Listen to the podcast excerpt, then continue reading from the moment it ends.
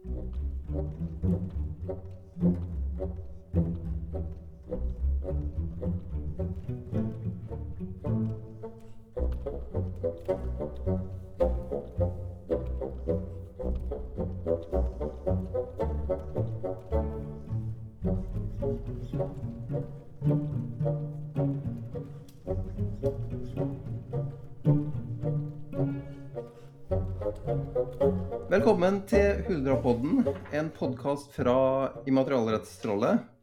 Mitt navn det er Torgeir Kielland, og med meg har jeg nær sagt som vanlig eh, Morten Nadheim. I dag har vi med oss ikke bare én, men to gjester. Eh, Hans Morten Haugen, professor ved VID vitenskapelig høgskole i Oslo. Og Inger Ørstavik, professor ved Institutt for privatrett ved Juridisk fakultet ved Universitetet i Oslo. Hans Morten, jeg vet ikke om du kan begynne å bare kort fortelle litt om deg selv for eh, lytterne våre? Kanskje jeg minst kjente her. Eh, jeg disputerte da på en avhandling om TRIPS-avtalen og menneskerettigheter i 2006. Jeg hadde Are Stenvik og Ole Kristian Faukal som veiledere. Eh, og så har jeg fortsatt å skrive om patentrettigheter spesielt. da. Mest med fokus på TRIPS-avtalen ca. én artikkel i året i snitt, kan jeg si. Uh, og jeg har skrevet uh, om medisinpatentering underveis, men hovedfokuset mitt har vært på retten til mat. genpatenter innenfor retten til mat. Men jeg har også på en måte fulgt med innenfor medisinpatenter. og har et, en artikkel på gang om akkurat covid-19, og så har jeg en, et kapittel i en bok som er redigert av Ole Andreas Rogstad og Inger Ørstavik, som kommer antagelig på nyåret. Eh, eh, som handler om eh, bærekraftsrammeverket og medisinpatenter innenfor det. Så, så, jeg prøver å holde dem oppdatert, men det er klart at jeg, jeg, jeg jobber også med andre ting i tillegg til dette spørsmålet. Ja, det er jo en bok som Ole Andreas har fortalt oss om i en tidligere, i tidligere podkast.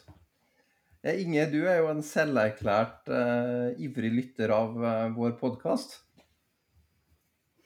Ja, så det er veldig stas å få lov å være med. Tusen takk. Det var hyggelig, det var hyggelig at du kunne være med. Altså, den uh, artikkelen din, når og, og, hvor tror du den kommer til å bli publisert? Det er jo veldig i tiden. ja, nei, altså, Jeg vet jo ingenting om hvordan dette tas med fagfeller osv. Men uh, jeg den er tenkt å sendes til Journal of World Intellectual Property. Eh, og forhåpentligvis da ikke så mange måneder til 2020. Men, eh, men, det er klart at eh, man vet jo aldri. Eh, jeg vil be om at de får rask fagfellevurdering, for å si det sånn. Ja. Men mens vi venter på den, så kan vi kanskje dykke inn i de mest interessante problemstillingene knyttet til nettopp covid-19-vaksinen i denne podkasten. Men først har vi vel noen nyheter vi skal gjennom, eh, Morten? Ja, det har vi så absolutt. News on the mark!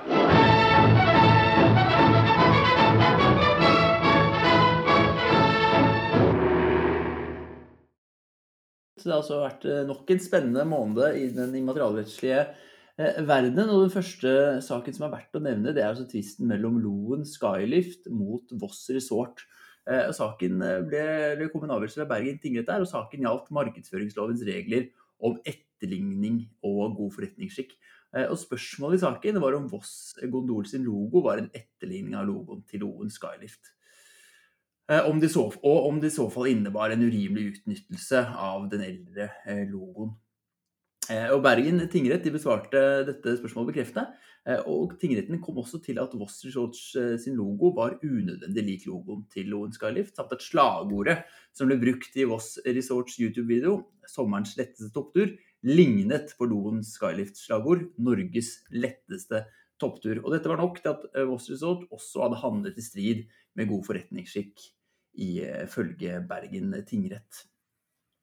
Dette er, vel en avgjørelse vi kan si mye og mangt om, Morten, men det skal vi ikke gjøre i denne sammenhengen?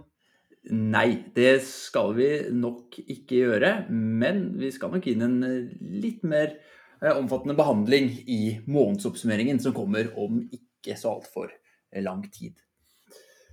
I tillegg så har vi fått to eh, kjempeknappe avgjørelser fra Høyesterett. Altså det er Kåfyr som anket denne luseskjørt-saken, eller Salgard-saken, som vi snakket om flere ganger her i podkasten, til Høyesterett. Men ankeutvalget de fant at saken ikke hadde betydning utenfor denne saken, og anken ble avvist. Samme skjebne led Fjellreven. Fjellreven mistet varemerkeretten til ordmerket G1000 etter at eh, Klagenemnda for industrielle rettigheter eller KOFIR, kom til at merket ikke var brukt som en angivelse av kommersiell opprinnelse for de aktuelle varene i henhold til reglene om bruksplikt. Og Det er en ankenektelse du er litt eh, skuffet over, Morten?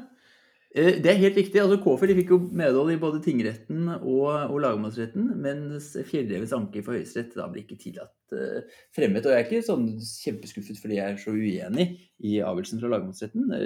Ikke kjempeuenig i hvert fall, men det er gøy å få dette spørsmålet behandlet av uh, Høyesterett. Eh, og Høyesterett kom jo til at saken ikke hadde relevans utenfor, eller at spørsmålet som ble reist ikke hadde relevans utenfor akkurat denne saken. Men vi har jo en annen sak fra lagmannsretten her også som ikke er veldig ulik. Altså Vi har en avgjørelse fra lagmannsretten fra Borgarting som også gjaldt spørsmål om bruksplikt. Og det tvilsomme i denne saken det var om Ekornes eh, sin bruk av varemerket Svane på soveromsmøbler var tilstrekkelig til at merket kunne anses brukt for møbler generelt, som merket også var registrert for. Eh, og etter en henvisning til praksis fra EU da, så viser lagmannsretten til at det avgjørende det, det måtte være om det forelå en tilstrekkelig sterk forbindelse mellom varene merket er brukt for, og de varene merket er registrert for.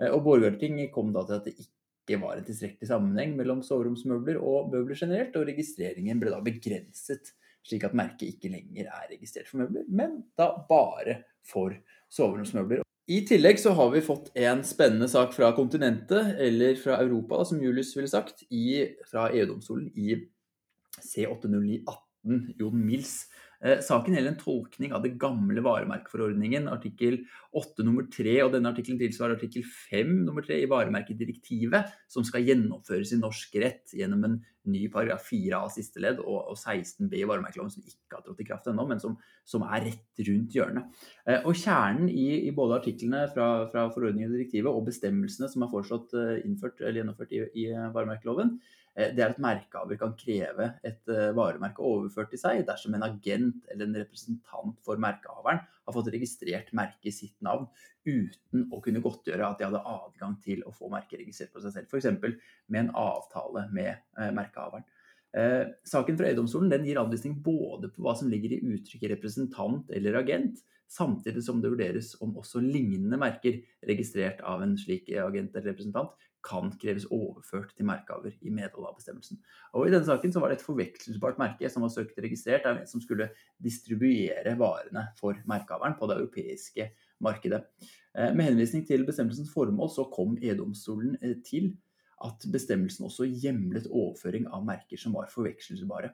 Eh, og Videre så kom EU-domstolen til at uttrykket agent eller representant skulle tolkes vidt, og at avgjørende det måtte være om det forelå et avtalebasert samarbeid der den ene ivaretok den andres interesser. Så denne avgjørelsen her vil ha betydning for hvordan tilsvarende ord og uttrykk i varemerkeloven eh, skal forstås når, når reglene eh, kommer en annen gang.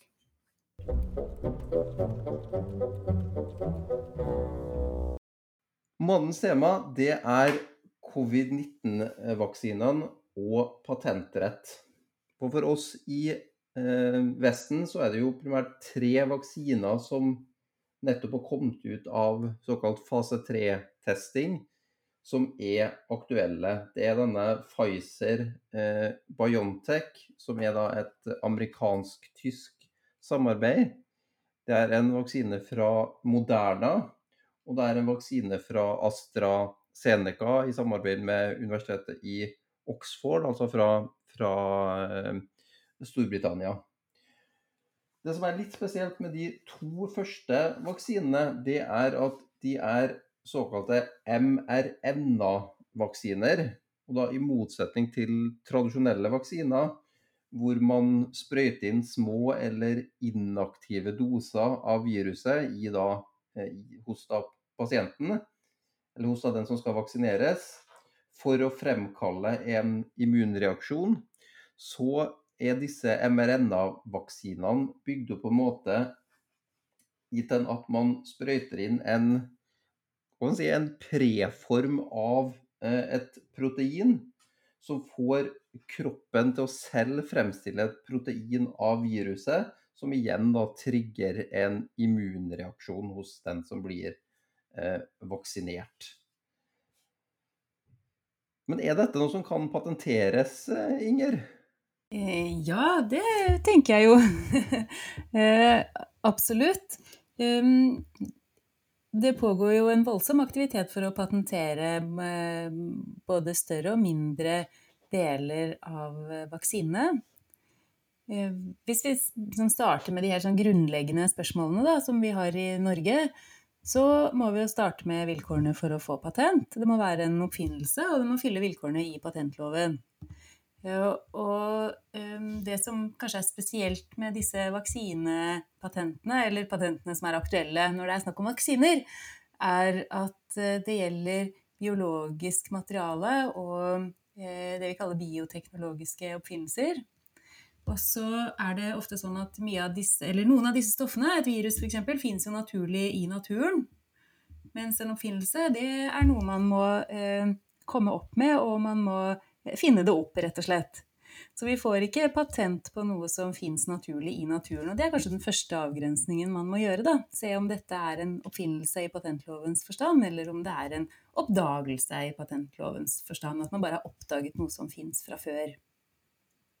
Ja, men Inger, er det, er det da sånn at man kan få patent på hele, uh, på, på, hele vaksinen som en enhet, måte, eller er det deler i vaksinen som, som, som, som, man vil patentere? Eller er det på en måte flere forskjellige deler av vaksiner? Hvordan, hvordan tror du man går frem? Det er vanlig å gå frem når det er uh, patentering av vaksiner? Altså Vanligvis så vil man eh, søke patent på den aktive substansen eller på en måte det aktive preparatet i vaksinen. Uh, og, eh, og, andre ganger så søker man jo patent på et, eh, et biologisk materiale som fins i naturen, men som man har isolert. Så man kan, ikke, man kan tenke seg da, at man får patent på en form av et virus som man fremstiller på en kunstig måte, eller som man klarer å isolere fra naturen. Så det fins jo patenter som måte, dekker en hel vaksine. Men det er ikke vanlig. Det vil være et veldig bredt patent uh, i så fall. Så det er ikke vanlig. Det vanlige er at man søker patent på um, en uh, begrenset del. For disse mRNA-vaksinene så tenker jeg at det er jo sånne små uh, proteiner som er en bit av en gensekvens. En bitte liten bit av en gensekvens. Eh, som man har isolert. Eh, men selve gensekvensen, altså det lange genet med alle trådene, det fins naturlig i naturen. Så sekvensen vil jo også finnes. Men hvis man klarer å isolere den, eh, og, altså ta den ut, enten fra et biologisk materiale eller på annen måte isolere det, så kan man patentere den lille delen. Og det er det det handler om når vi snakker om å trekke en grense mellom en oppfinnelse og en oppdagelse for å påpeke at dette genet fins i naturen, det vil være en oppdagelse. Men for at vi skal kunne gjøre det igjen og igjen, så må man kunne isolere det, eller man må ha påvirket det på noen måte som gjør at det er en oppfinnelse, og at det, har, at det kan fylle kravene til en oppfinnelse. At det kan ha teknisk effekt og teknisk karakter. ikke sant? Så jeg tenker at for disse mRNA-vaksinene så gjelder patentene akkurat de små gensekvensene som er i proteinet, eller selve proteinet. Men det vil jo gi en, en ganske Det vil jo dekke vaksinen, for da kan ingen andre lage eller produsere en vaksine som bruker akkurat den gensekvensen, og sprøyte den inn i kroppen. Men kan, kan det tenkes at det er flere forskjellige gensekvenser som, som vil kunne virke som en vaksine Eh, mot covid-19? Eller er det som hvis man har funnet frem til den ene måten å isolere til gensekvensen på, så, så har man på en måte da, er man i mål? Eller kan det være ja, flere måter å gjøre det samme på? Eh, topp spørsmål. Det jeg tenker kanskje vi skulle invitert en uh, genteknolog også. ja, jeg tenkte det var midt i kjernen for deg, Inger. jeg vet ikke, Hans Morten, om du kan mer om det enn meg, egentlig? Altså det, det, er jo i hvert fall Jeg så et program om uh, ulike vaksinetiltak i møte med ulike pandemier, uh, eller epidemier og pandemier. Da. Uh, og det er klart at, at det er en form for SARS altså Covid-19 er en SARS-relatert et virus. Sånn at man har på en måte kunnskap om dette viruset fra før. sånn, at, sånn at det er klart at immunologer og de som utvikler vaksiner, har startet på bar bakke. Det er jo viktig å si.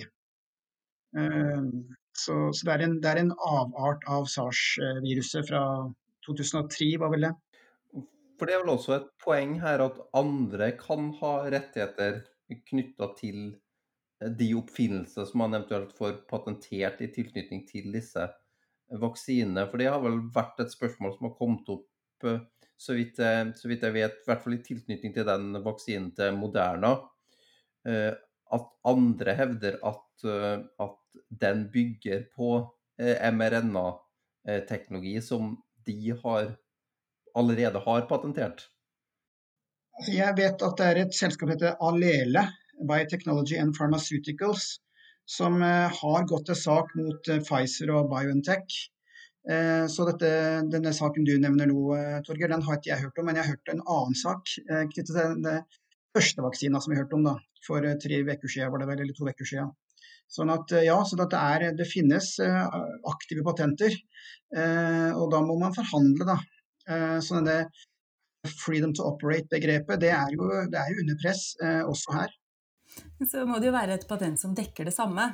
Altså det, eh, det skal ikke så veldig mye til for å gå klar.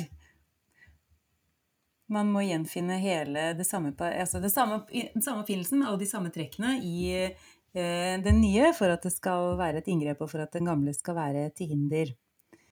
Når man har et sånn patent på en, en gensekvens som inngår i en vaksine. Inger, hva er det egentlig man, man har enerett til å gjøre? Hva er det man kan nekte andre å gjøre? Det er definert i patentlovens paragraf 3 hva eh, eneretten egentlig innebærer. Og den er på en måte det samme i alle land. I Norge så er det sånn at du får enerett på å, i, i praksis alle kommersielle handlinger, eller alle handlinger i næringsvirksomhet, om det er produsere, om det er markedsføre, om det er selge. Altså alle, alt man kan tenke seg egentlig i næring, da. Men det praktiske er selvfølgelig produsere, importere, eksportere og markedsføre og selge i denne sammenhengen. Og det vil være det samme egentlig i alle land. Ehm, et norsk patent er begrenset til Norge, men siden dette er likt for de aller fleste land, så vil det jo ofte være internasjonale rettigheter som, som har samme virkning i alle land. Da.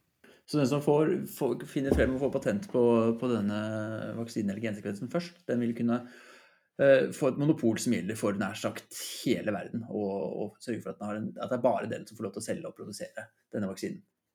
Her kommer jo det litt på spissen, da, for dette er jo sånn som man ofte snakker om, som patentrådgiverne snakker om. ikke sant? Det er ganske dyrt å patentere i hvert enkelt land, og du må betale avgifter i hvert enkelt land. Og Derfor velger man ofte å patentere kanskje det landet man har utviklet noe, og der hvor man produserer, og der man tenker seg at markedet er. Men så velger man bort alle de andre landene som ikke er så aktuelle, for det koster bare masse penger. Men her vil jo alle land i verden være aktuelle, og man vil ønske seg en enerett overalt. Men det koster jo tilsvarende ganske mange penger. Men jeg tenker at uh, hvis man har en vellykket vaksine, så er det kanskje verdt det. Men man vil vel satse først på, på å få patent i i store land, og typisk land hvor det er aktuelt å, å produsere vaksinene i, i, større kvanta. Absolutt. Eh, så hvis du har denne eneretten, gjelder den absolutt, eller er det muligheter for å gjøre unntak fra den eh, i, i dette tilfellet, kanskje? I praksis eh, er den absolutt, men i teorien er det muligheter for å gjøre unntak. For vi har jo regler om tvangslisenser.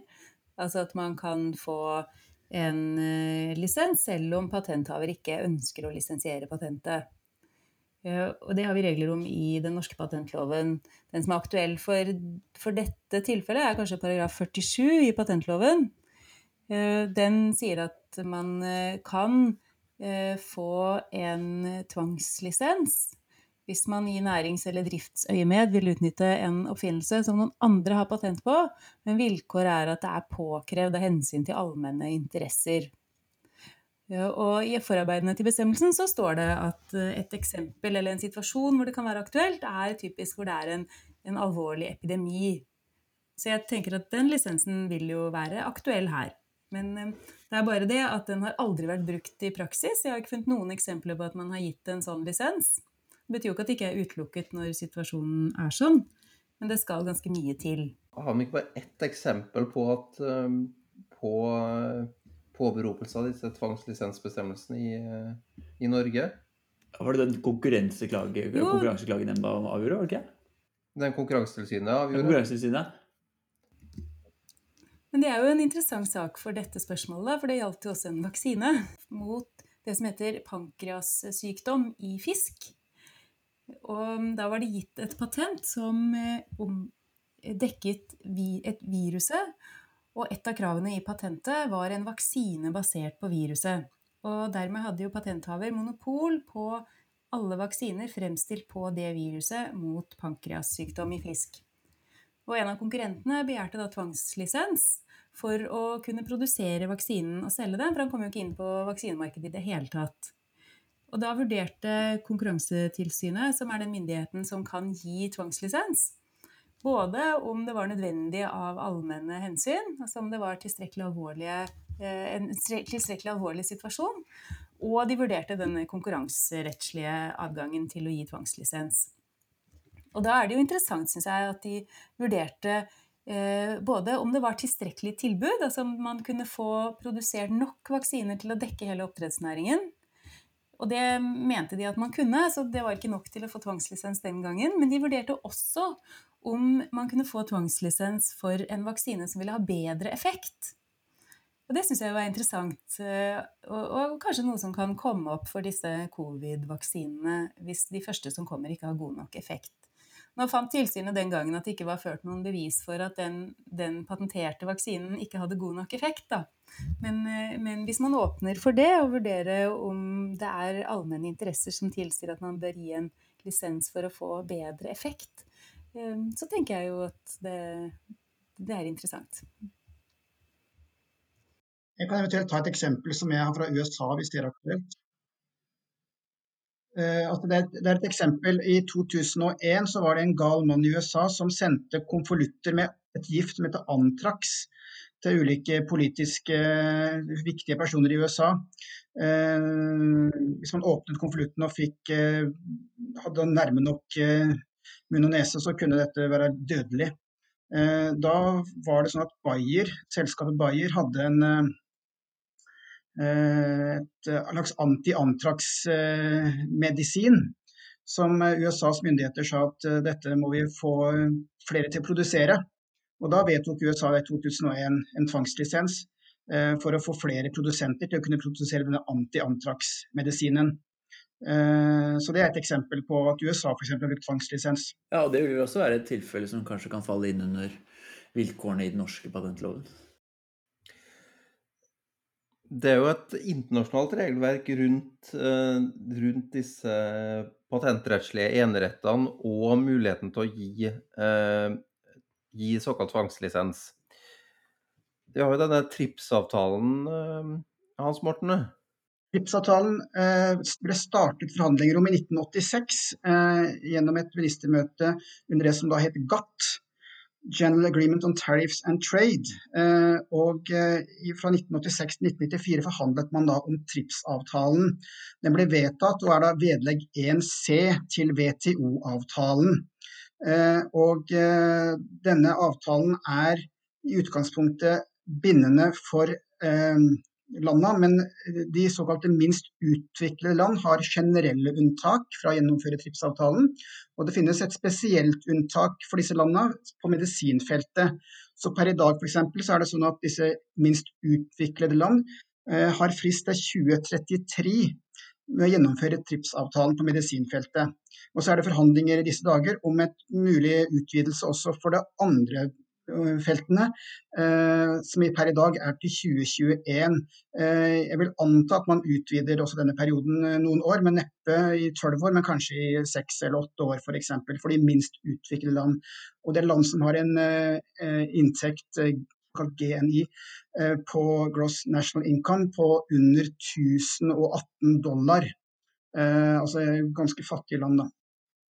Men tilbake til tvangslisensbestemmelsen. Det er jo den mest omtalte. Men jeg har jo prøvd å si til flere eh, som har snakket med meg i det siste, at det finnes mange unntaksmuligheter og fleksibiliteter i TRIPS-avtalen.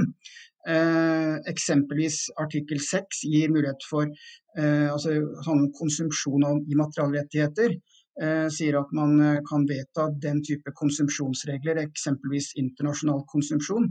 Dvs. Si at hvis et produkt plasseres lovlig på markedet i ett land, eh, så kan dette produktet selges videre til andre land uten at det blir mulig å gå til sak i WTO, i hvert fall. Men TRIPS-avtalens artikkel 31 handler om tvangslisens. Og den, den er basert på at man da ikke i TRIPS regulerer frivillig lisens, men det er basert på at man er i en situasjon hvor man ikke har kommet til enighet etter å ha prøvd å forhandle. Eh, og da kan man da innføre tvangslisens mot patenthaverens vilje. Man skal uansett kompensere patenthaveren eh, på et rimelig nivå. Men i situasjoner hvor det er såkalt nasjonal nødsituasjon eller andre ytterst kritiske omstendigheter, eller såkalt offentlig ikke-kommersiell bruk, så er det ikke nødvendig å forhandle. Da kan man kun informere patenthaveren om at nå vil myndighetene eh, vedta en tvangslisens eh, for å kunne øke produksjonen av et gitt produkt. Eh, sånn at eh, For andre formål så må man forhandle først. Men for det som handler om ikke-kommersiell bruk og nødsituasjoner, så kan man da gå rett til å utstede tvangslisens eh, for aktuelle selskaper som da kan produsere dette, dette produktet. Da. Eh, og det, det, er jo det som, eh, som eh, stadig vekk kommer tilbake til. Og det er jo en, en, fleksibilitet naturlig nok i det. Men det er klart at man endrer ikke på rettighetshaverens la oss si, grunnleggende interesser. Det er fortsatt rettighetshaveren som har, som har patentet, det er rettighetshaveren som skal kompenseres osv. Så sånn at men det er altså da mulig ganske raskt. Og dette eh, anti-antrax-virkestoffet som selskapet Bayer hadde patent på, det viste amerikanske myndigheter at de da ganske raskt, det gikk veldig fort, eh, var i stand til å utstede tvangslisens for å få andre produsenter i USA til å produsere det samme eh, anti-antrax-medisinen. Men det var Morten, jeg lurer på en ting. Fordi eh, disse, det, det, Problemet med disse vaksinene er jo ikke amerikanske produsenter.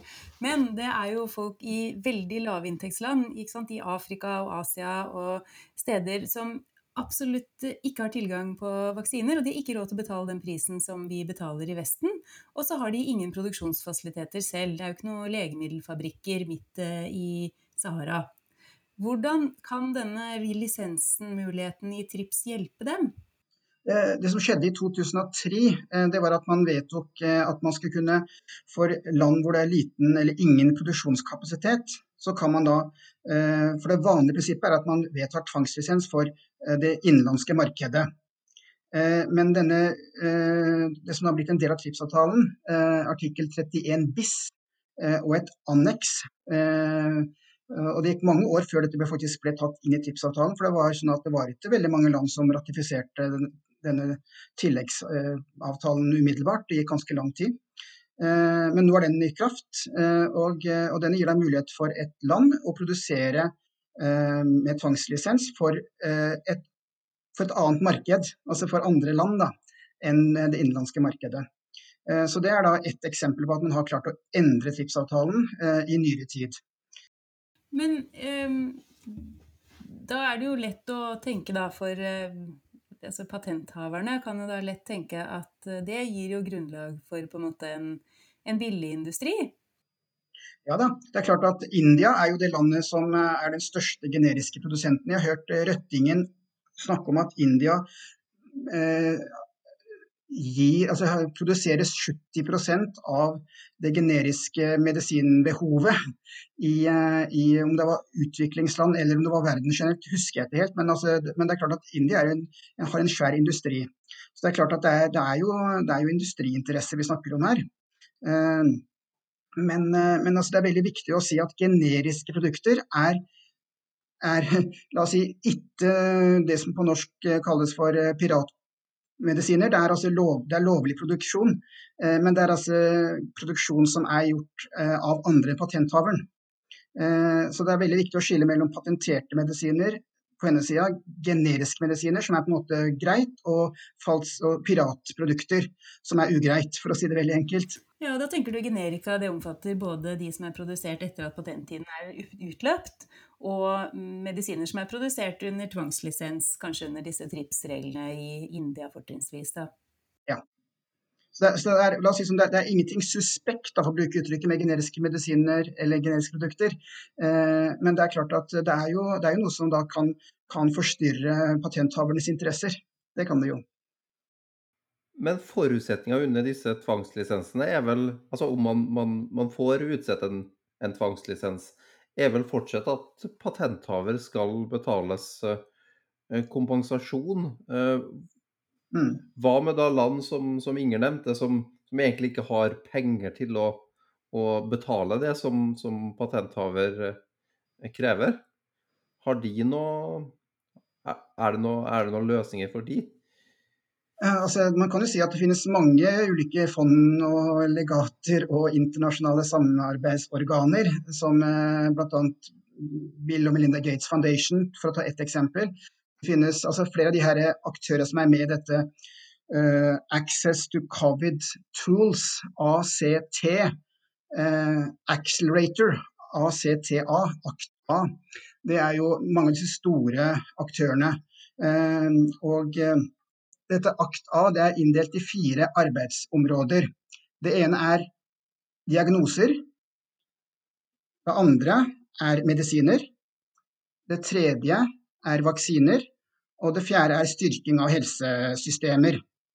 Eh, og ulike aktører innenfor dette akt A er da aktive innenfor ett av disse arbeidsfeltene. Eh, og der snakker vi om eh, milliarder av kroner, for å si det sånn. Og Norge er jo da aktivt med, bl.a. for at en av disse store aktørene, CEPI, er Norge vertsland for.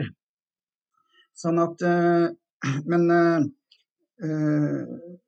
hele feltet altså for at Det som er forskjellen, da, for å si det litt enkelt, på, på eh, det G20 nå har bestemt, eh, hvor de snakker om vaksiner eh, som et såkalt global public good, og det som eksempelvis Verdens helseorganisasjon har lagt til grunn, når de snakker om all health technologies, så er det en mye bredere tilnærming som de legger til grunn. da. Men det viser seg at skal man på en måte ha effektiv bekjempelse av covid-19, så er jo både det å ha tilgang til Eh, riktig diagnoseverktøy, eh, riktige medisiner og riktige vaksiner, og i tillegg da et fungerende helsesystem. Alle viktige elementer. Sånn at, eh, sånn at bare vaksiner, å fokusere bare på det, kan også være litt begrensende. Under TRIPS-avtalen kan man tenke seg at man gir en tvangslisens Eh, fordi et land ikke har råd til å betale for vaksinen. Jeg forstår at man kan gi en lisens der det ikke er tilstrekkelig produksjonskapasitet til å produsere overalt. Men hvis det er kapasitet, og det tilbys en vaksine, den bare er for dyr, sånn at eh, de landene med lavest inntekt ikke kan betale, er det nok til at man kan få tvangslisens under TRIPS-avtalen? Det er ikke nok i utgangspunktet, nei. Det, er ganske, altså denne Artikkel 31 bis med vedlegg Eh, er ganske komplisert, for å si det sånn. Og, og det er kun eh, knytt, knyttet til det at landet ikke har produksjonskapasitet. Sånn at For de landene som da, si, har en viss kapasitet, men som er fattige, så må man rett og slett bruke andre virkemidler. Eh, og Da er det å, å, bruke disse aktørene som, som er, er, ganske svære. Eh, Bill og Melinda Gates er vel verdens største stiftelse, tror jeg. Eh, og, og, det foregår, la oss si, Eh, man kan si at det går for sakte, og, og du kan si at WHO ikke har fått gjort jobben godt nok siden SARS, eller, eller sånn, men det er klart at, eh, at det er ikke fritt fram, for å si det sånn. Eh, for tvangslisens i alle mulige situasjoner. Det fins en del store aktører som har, har, gitt, og som gir utrolig mye penger til det vaksinearbeidet. Og Bill og Melinda Gates-stiftelsen er jo de som har gitt aller mest, og de har jo bl.a. Eh, delfinansiert hvert fall, en vaksine som Eli Lilly utvikler. Men jeg tenker at for dem så er det jo et problem at man da betaler utvikling av vaksinen, og så kommer du i neste runde, og så må de finansiere innkjøp av vaksinen også. Eh, og det Bill og Melinda Gates-stiftelsen har gjort, er at de har krevd, eh, stilt som vilkår for den finansieringen de har gitt til vaksinen, at eh, selskapet ikke skal kreve royalties fra lav- og middelinntektsland når de senere lisensierer ut patentene sine. Det er jo en måte å løse det på, men det krever vel at det er finansielle aktører med veldig store muskler som klarer å tvinge legemiddelbransjen til å gjøre det. Og så blir det jo dyrere for oss, da, fordi noen må betale mer i den andre enden. Eh, Donald Trump sitt favorittselskap, uh, ut fra å ha hørt Donald Trump snakke i ulike sammenhenger, er selskapet Gilead. Uh, og Det selskapet er jo også ganske aggressivt for å si det sånn, på patentopprettholdelse. Inngår såkalte frivillige lisenser, men stiller veldig mange krav i disse lisensene. Noen av dem med krav om at den skal hemmeligholdes, bl.a. Sånn at frivillige lisenser er jo bra, men eh, det er ikke alle frivillige lisenser som er bra. Fordi at det er for mange betingelser i dem. Utover dette, kan man tenke seg mer generelle unntak fra, fra patentretten i en, altså i en, situasjon som man er nå, i en, i en pandemi hvor det er viktig å få produsert nok vaksiner eh, raskt nok og til en en pris som eh, alle er i stand til å betale? Det er sånn at eh, Prinsippet i WTO er konsensus. Eh, det er beslutningsprinsippet i WTO. Men det er et unntak fra dette prinsippet, og det er i tilfelle generelle unntak for alle avtaler i WTO-systemet. Eh, det er regulert i WTO-avtalens artikkel 9 3, eh, og der eh, står det at for Eh, såkalte waiver på engelsk, generelle unntaksmuligheter. og Det skal gjelde i prinsippet i ett år. Det er det som er liksom utgangspunktet. At det kan vedtas et generelt unntak for denne avtalen eh, i ett år. Eh, så, så, er det nok med tre fjerdedels flertall. Eh, og det står altså På den engelske teksten står det a member state. på norsk står det ett medlemsland med ET. Eh, sånn at det er brukt entall, men eh, det står ikke ett med to t-er, og det står ikke one member state. Eh, så jeg har da på spørsmål fra avisa Klassekampen her nå ikke så lenge siden sagt at denne bestemmelsen, selv om den bruker uttrykket a country, at den kan leses til å kunne gjelde et fåtalls land. Det som nå har blitt gjort, er at i oktober, begynnelsen av oktober så fremmer eh, Sør-Afrika og India et forslag om en generell unntaksmulighet for TRIPS-avtalen for alle land. Eh, og Der har jeg prøvd å si eh, at det krever konsensus. og det, Der er jeg enig med norske myndigheter i at det synes ikke realistisk å oppnå. Eh, men, men jeg mener at en generell unntak for et fåtalls land er mulig å lese inn i den unntaksbestemmelsen som da gjelder. Og da er prosedyren sånn at Man fremmer et forslag dette forslaget ble fremmet 2.10, og så må da TRIPS-rådet eh, vurdere forslaget og sende dette over til eh, ministerkonferansen i, i WTO innen 90 dager. Og det var et møte 20.11. for å følge opp et møte i oktober. Og jeg har ikke sett noe referat fra møtet 20.11, men det jeg vet fra det første møtet i oktober, var at Norge var av de landene som stemte imot og det hørte vel de fleste som fulgte med på media eh, for en eh, tid siden, at, eh, at norske myndigheter mente at det ikke var realistisk å få konsensus. Da. Og det er jeg for så vidt enig i. Spørsmålet er på en måte om Norge ønsker å gjøre noe mer. For Norge var på tidlig 2000-tall en veldig aktiv brobygger og ja, kom med forslag knyttet til hiv-aids-medisiner. og det var veldig viktig eh, da. Eh, og da fikk du en situasjon som eh, rett og slett reduserte prisen på hiv-aids-medisiner mange ganger eh, i eh, tidlig 2000-tall. Så Norge har på en måte en forventning til seg eh, fra la oss si, flere viktige aktører til også i dag å fungere som en brobygger. og det har Norge for så vidt gjort. Men på dette spørsmålet så mener norske myndigheter at det ikke er eh, noen mulighet å komme til en type konsensus, og jeg tenker at det er forståelig. Det er jo sånn at en del, eller Mye av den forskningen som har foregått på vaksiner mot covid-19, har vært finansiert fra diverse private stiftelser, og mye av det har jo vært finansiert av eh, offentlige midler. Blant annet har Norge gitt og planlegger å gi til sammen 3,6 milliarder norske kroner til utvikling av vaksiner. Eh, og så er det mange som mener, og det er jo et godt argument, syns jeg, at eh, man i hvert fall må vurdere om det skal være sånn at offentlig finansiert forskning skal være belagt med patentrettigheter som er en enerett, og som ofte vil tilkomme en privatperson eller privat eh, foretak. Hva tenker du om det, Hans Morten? Ja, altså det er jo sånn at uh, noen er flinke til å lage ny innsikt, ny kunnskap. Og noen er flinke til å få produkter ut i markedet.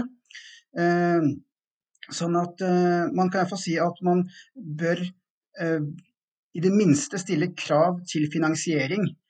Slik at man i avtalene som inngås når man blir enig om et hvitt beløp, har ganske klare krav i de kontraktene der. Eh, nå har jeg hørt f.eks. at det finnes et selskap, det var AstraZeneca eller hvem det var, husker jeg etter, men som vil gi seg frihet sjøl til å definere eh, at pandemien skal være slutt på en gitt dato, og at de skal være rause.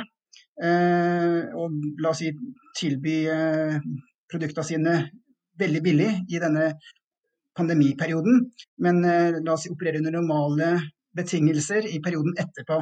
Og Det mener jeg er egentlig ganske uhørt. Eh, jeg mener at, eh, at, man ikke skal gi makt til selskapene til å manipulere eh, på den måten. Og det mener jeg da de som står bak med penger, kan stille som krav. For det kan jo bli, kan jo bli inntektsbringende, det om, man, om, dette er en vaksine som må, må gjenoppfriskes en gang, i, en gang, i, året. Selv om man sier at pandemien er, er over, så, så, kan dette fort vekk være en vaksine som mm. mange må ta ganske ofte. Det er jo bare et regnestykke fra de begynner utviklingen og til patentet har løpt ut og man ikke trenger vaksine lenger. Og det er flere av de store selskapene som har gitt forskjellige løfter og lovnader om uh, ulik prising. Moderna har sagt at de ikke vil håndheve patentene sine så lenge pandemien pågår. Og det tenker jeg også er i og for seg på, på overflaten prisverdig, men det er uklart hvor lenge den pandemien i Modernas øyne anses å pågå, og de som investerer i produksjon, blir kanskje plutselig stoppet etter seks måneder, og det er nokså usikkert. Så jeg tenker også at hvis man hadde hatt et mer offentlig, eller eh, i hvert fall et mer normert eh, regime for det, og at offentlig finansiering kanskje var avhengig av at ikke nødvendigvis patentfrihet, men, men at det ble gitt konkrete konsesjoner som som var like og forutsigbare, at det kunne være en vei å gå for å få mer flyt på vaksinene? Så jeg kan si at eh, har, blitt kontaktet sammen med Inger om et forslag eh, om at Norge skal ta grep. Og jeg tenker at, at som sagt, dette forslaget til India og Sør-Afrika, eh, kan støttes av mange land, så vil det aldri støttes av alle i WTO. Eh, men altså, man har eh, nå både i Verdens helseorganisasjon, i eh, G20, to ganger, både i september og november, formulert at eh, covid-19-immunitet er et globalt fellesgode. Og et globalt fellesgode har som kriterium at ingen skal kunne ekskluderes, og ingens bruk skal redusere andres bruk. Eh, jeg tenker at Norske myndigheter med denne utgangspunktet i dette prinsippet da, om at det skal være et globalt fellesgode, eh, bør forventes å kunne ta mer aktive grep. Norge har eh, en sånn brobyggerrolle som jeg sa i stad, og der vil det være naturlig at Norge går foran og, og tydeliggjør at dette eh, som handler om å f.eks. være raus i en innledende eller under pandemien, og så bruke normale betingelser når man mener at pandemien er over. Eh, må, må da Norge mener jeg ta mer tydelig, altså være mer tydelig i møte med. Et siste spørsmål er jo, selv om man har eh, rett til å utøve en oppfinnelse, f.eks. gjennom en tvangslisens, så er jo ikke det nødvendigvis eh, tilstrekkelig for å kunne eh, fremstille vaksiner, gi behandling, fordi at man er avhengig av tilgang til eh, annen informasjon.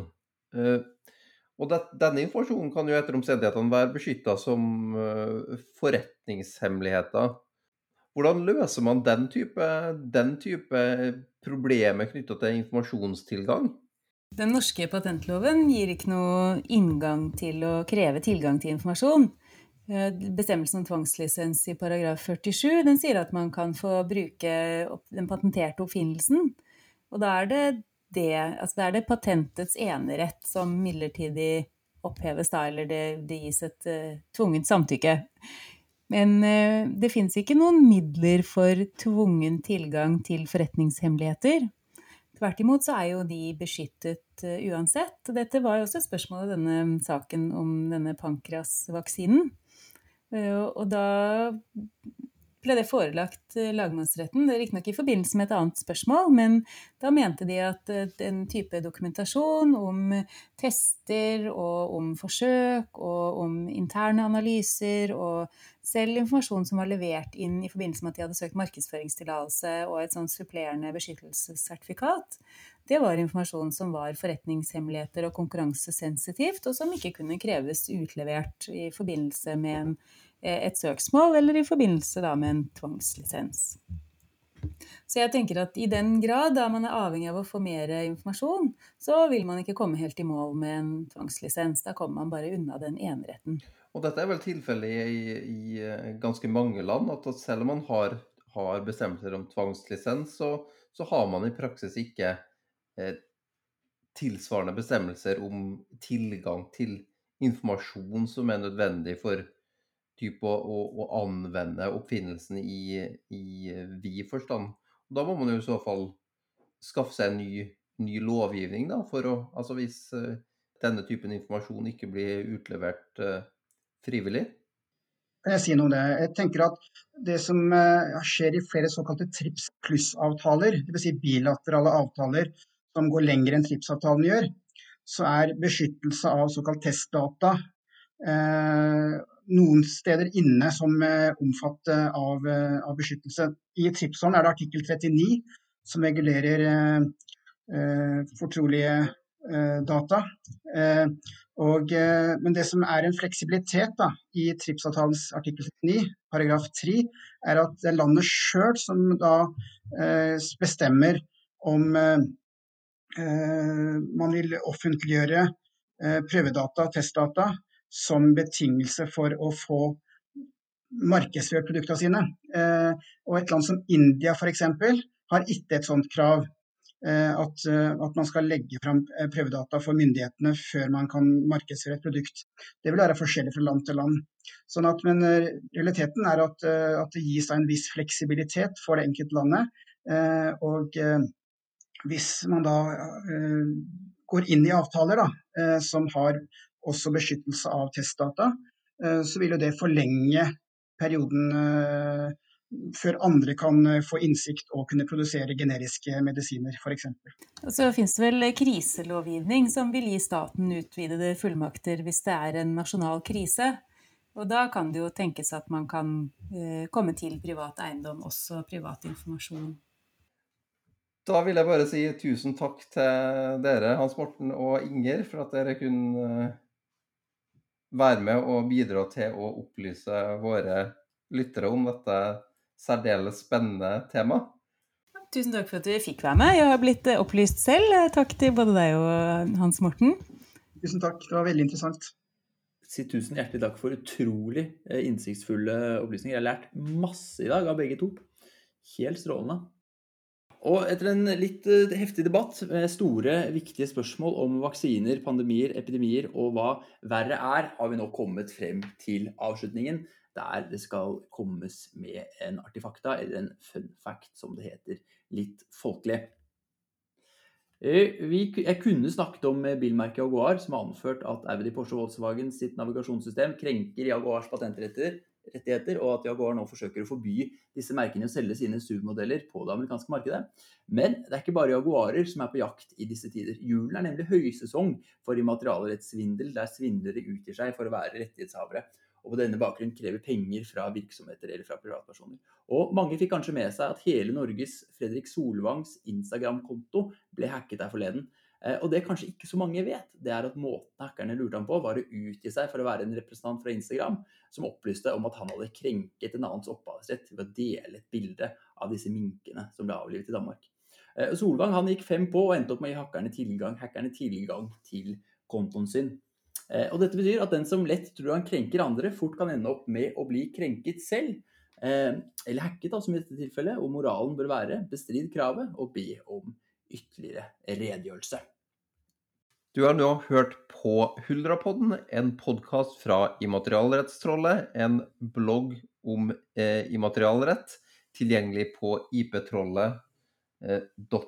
Eh, Podkasten er tilgjengelig der du hører på dine podkast, sånn som Apple Podcasts og Spotify. Gi oss gjerne en anmeldelse, helst fem stjerner. Har du tips om ting du vil vi skal ta opp i podkasten? send oss en e-mail på iptrollet at gmail.com. Ha det bra!